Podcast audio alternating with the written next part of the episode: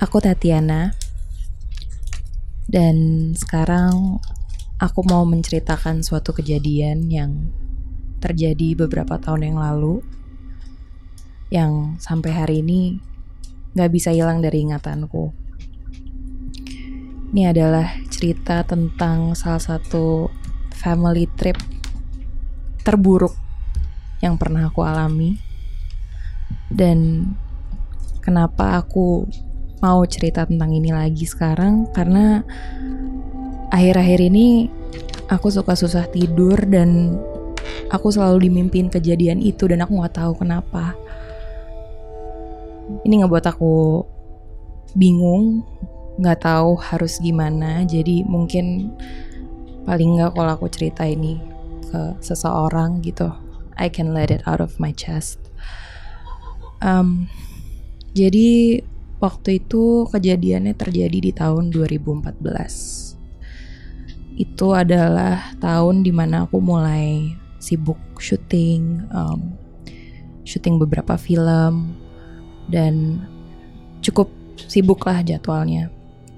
Dan kebetulan um, keluargaku tuh kita suka susah gitu untuk dapetin quality time apalagi di tahun 2014 itu karena papaku sering traveling ke luar negeri terus adekku juga sekolah. Jadi kayak waktu itu aku ingat banget lagi selesai syuting kebetulan papaku juga lagi ada di kota. Terus kita akhirnya decide untuk spontaneously pergi yuk gitu. Kita weekend trip keluar. Nah, tapi karena ini cukup dadakan, akhirnya kita milih untuk pergi ke yang dekat-dekat aja. Jadi kita akhirnya memutuskan untuk nyewa villa di area Lembang dekat Bandung. Pada saat sampai di sana, kita nginep di suatu villa yang ya lumayan jauh dari kota gitu. Emang sengaja kita pengen milih tempat yang sepi, yang apa ya, lebih dekat sama lebih dekat sama alam jadi agak sedikit di atas dan um, dari pertama sampai sebenarnya aku udah kurang serak sih. Villa yang dipilih sama mamaku tuh villanya agak tua dan kelihatannya kotor dan di situ aku ngerasa nggak nyaman gitu. Tapi karena ya mungkin semuanya dadakan kali ya aku terima aja lah gitu toh. Sebenarnya poinnya adalah mau quality time gitu. Akhirnya aku keliling villanya dan um, aku ngeliat oh ternyata kita ada tetangga itu sedikit agak bikin lega karena serem juga kalau misalkan di atas gunung sendiri nggak ada siapa-siapa gitu. Akhirnya ngobrol sama penjaga villanya aku tahu kalau di situ ada tetangga ada yang memang lagi nempatin villa itu juga katanya pasangan suami istri. Karena aku penasaran akhirnya aku liatin terus akhirnya aku ngeliat juga mereka. Dan uh, akhirnya kita sempat bertegur sapa karena aku di situ ngerasa kayak maybe it's not gonna be so bad after all. Dan kita nyampe di situ sebenarnya masih cukup pagi ya sekitar jam-jam 11 gitu. Jadi memang kita tuh rencananya mau pergi seharian. Pergilah kita ke Bandung meninggalkan villa dan akhirnya sore-sore kita balik lagi. Dan um, kita di situ pengen makan malam kan. Dan begitu mau duduk di meja makan tiba-tiba ada yang ngetok. Di situ kan kita bingung ya eh, ini siapa nih yang ngetok? gitu. Akhirnya aku berdua sama adikku keluar dan ternyata itu adalah tetangga yang menempati villa di seberang kita. Agak bingung tapi ya kelihatannya mereka baik dan ternyata di situ mereka bawa makanan dan menawarkan untuk mau makan malam bareng gitu. Akhirnya of course kita bolehin masuk masa enggak sih? Apalagi ya niatnya baik gitu kan. Lagi pula selalu menyenangkan gitu sebenarnya untuk bisa punya teman baru, kenalan sama orang baru gitu. Nah, mohon maaf nih sebelumnya nama mereka aku samarkan dulu ya, gitu karena aku nggak mungkin nyebutin nama asli mereka di sini. Jadi kita sebut aja si pasangan ini adalah Bapak dan Ibu Sumarno.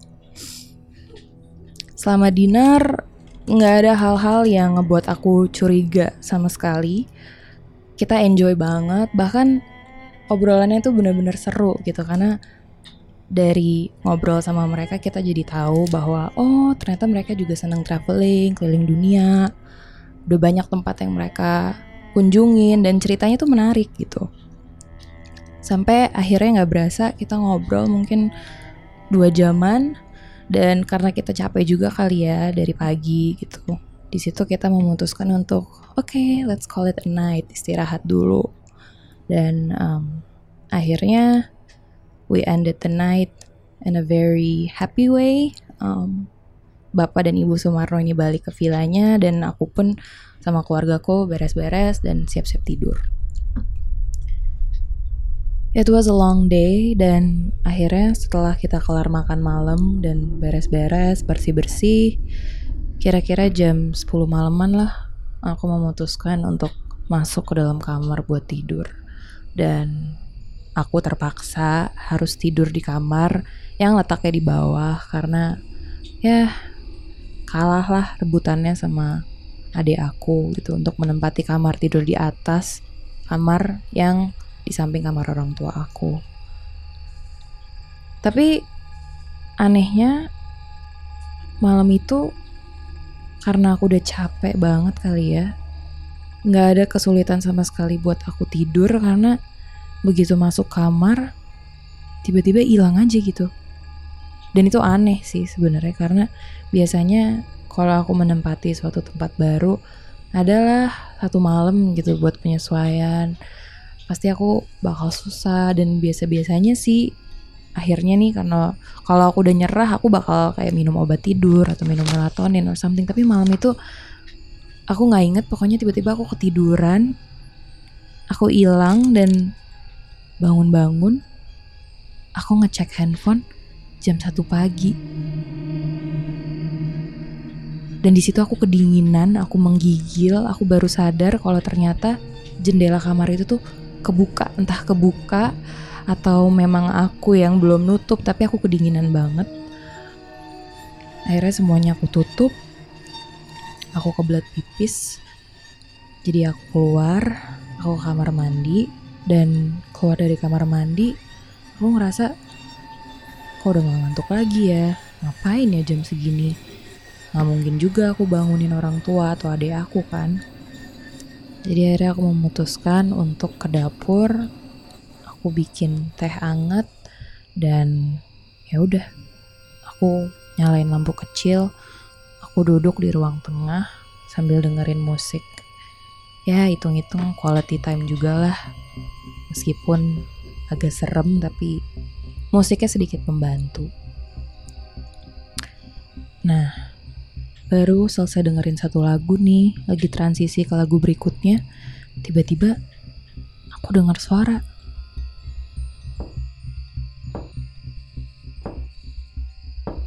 Tapi karena aku lagi dengerin musik juga, aku agak apa ya, aku agak sedikit ragu apakah itu emang benar-benar ada suatu suara yang aku dengar apa itu dari musiknya tapi karena aku penasaran akhirnya aku matiin lagunya dan benar dugaan aku memang ada suara.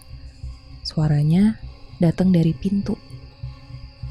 Suara kayak ada yang ngetok tapi pelan gitu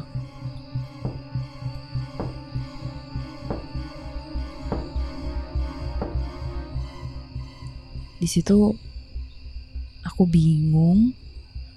Ada sedikit perasaan takut.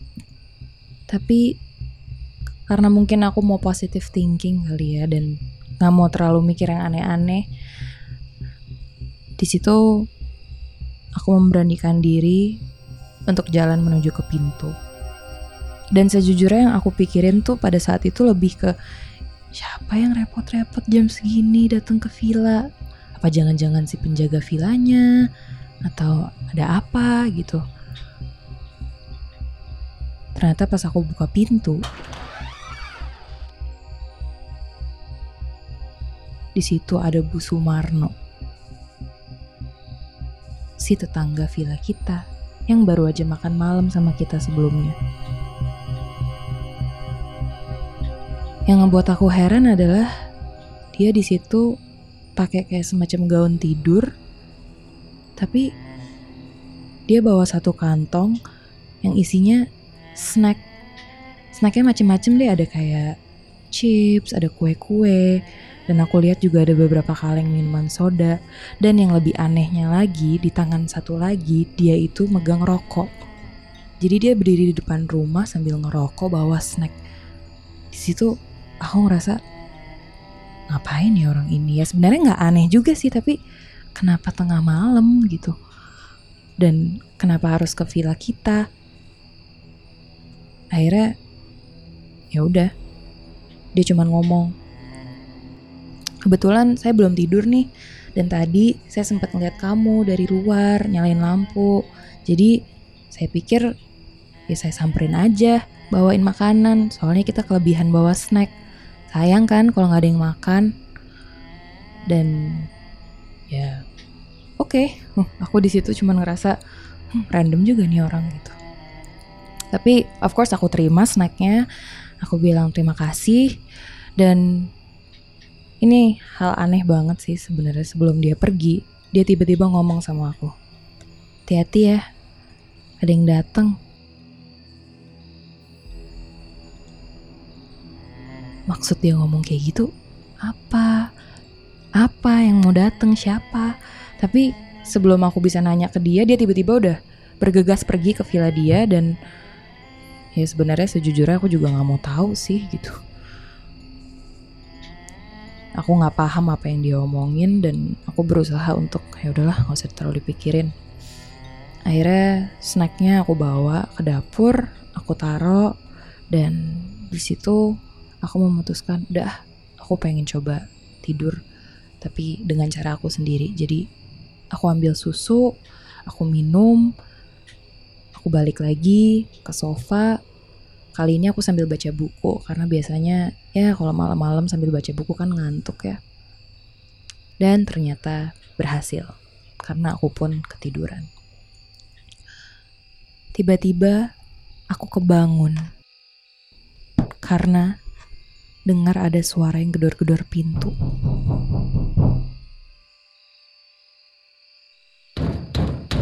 Aku aku shock dan refleks aku langsung buka handphone aku ngeliat bahwa ini jam 3 pagi. Ngapain ada yang gedor-gedor pintu dan suaranya tuh kencang banget. Temponya cepet dan selain itu aku dengar kayak ada suara orang suara orang ini nih kayak merintih minta tolong gitu. Dan di situ aku bingung karena benar-benar nggak ada yang bangun aku doang dan aku pula yang paling dekat juga sama pintu. Jadi perasaan aku benar-benar aneh campur aduk. Aku takut tapi di satu sisi juga aku penasaran dan kasihan juga sama suara orang yang minta tolong ini gitu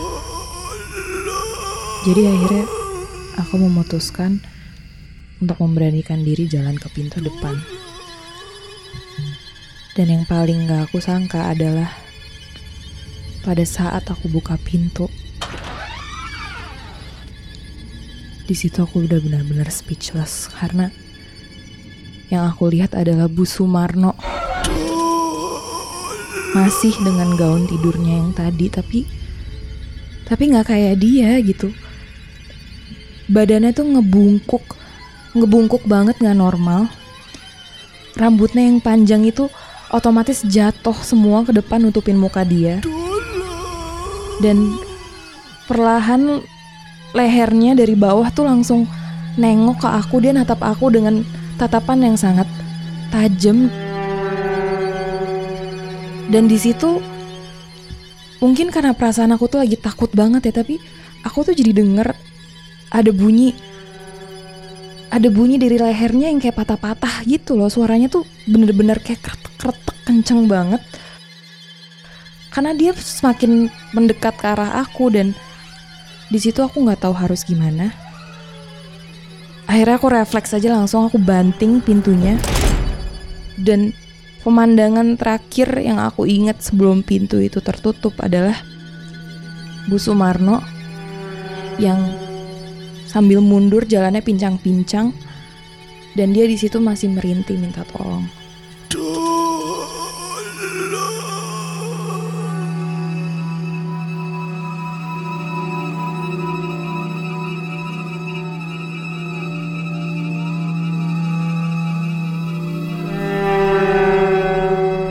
Itu adalah hal yang gak bisa aku lupain. Di situ aku panik tapi aku udah nggak tahu harus ngapain lagi. Akhirnya aku cepet-cepet aku langsung lari ke atas ke kamar orang tua aku. Aku masuk ke dalam selimut sambil masih gemeteran dan udah di situ rasanya tuh aku pengen cepet-cepet tidur, pengen melupakan seluruh hal yang baru aku lihat tadi.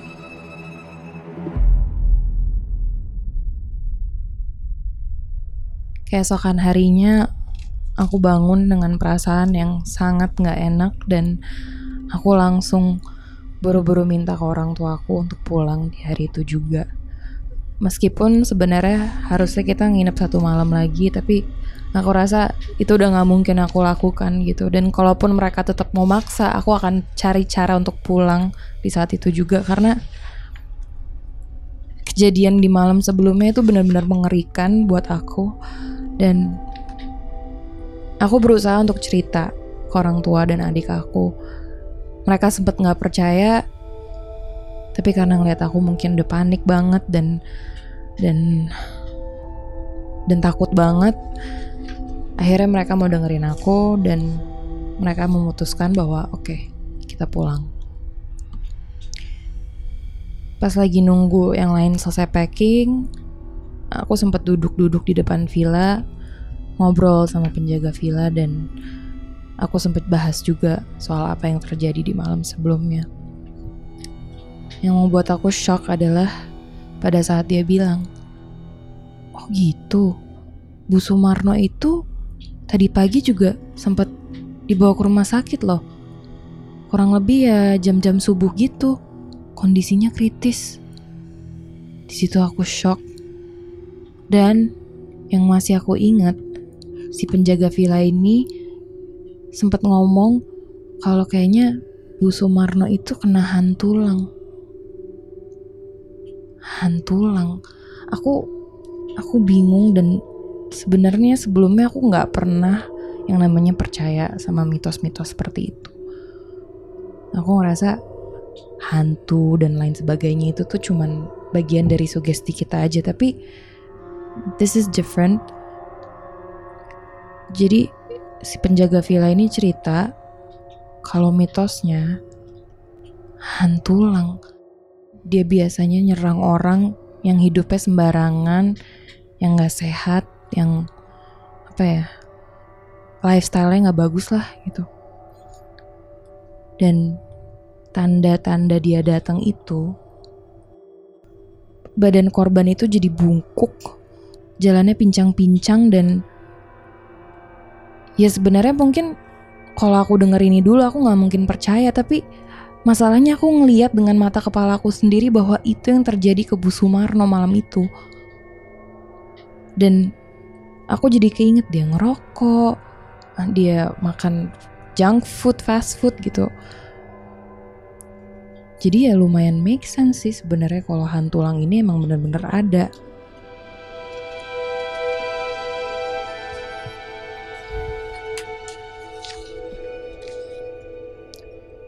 semenjak kejadian itu aku cukup trauma. Apalagi sama yang namanya pintu. Baik itu pintu kamar ataupun pintu depan rumah. Apalagi kalau aku tuh lagi sendiri atau udah tengah malam. Itu biasanya susah buat aku dan harus ada orang yang nemenin gitu. Karena kalau enggak ya aku bisa panik sendiri lah pokoknya aku keinget kejadian di Lembang itu terus dan dulu aku sempat beberapa kali ditawarin untuk main film horor tapi selalu aku tolak. Sampai akhirnya di tahun ini aku main film Ghostwriter itu pun juga sebenarnya karena masih ada unsur komedinya gitu jadi aku beraniin diri. Karena aku juga nggak mau selamanya stuck dengan trauma seperti ini pelan-pelan ya aku harus bisa melawannya gitu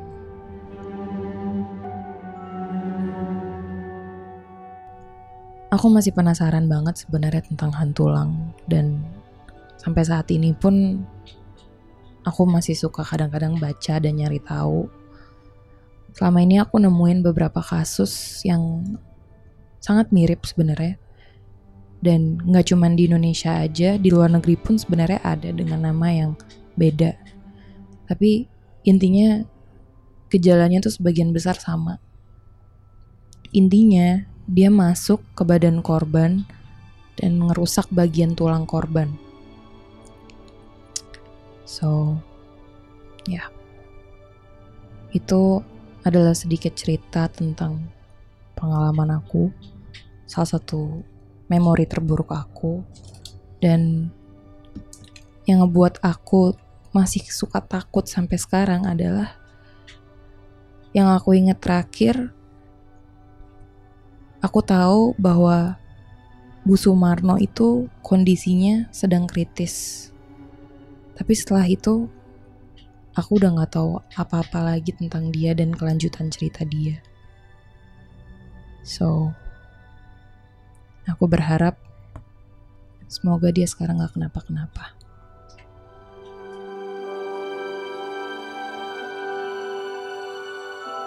Buat kalian yang penasaran, ikutin terus kisah hantulang ini di Instagram aku, at Tatiana Safira, dan Instagram podcasthorror.id untuk tahu lebih jelas lagi tentang hantulang. Dan tolong, share juga cerita ini ke keluarga dan teman-teman kamu supaya mereka juga bisa waspada.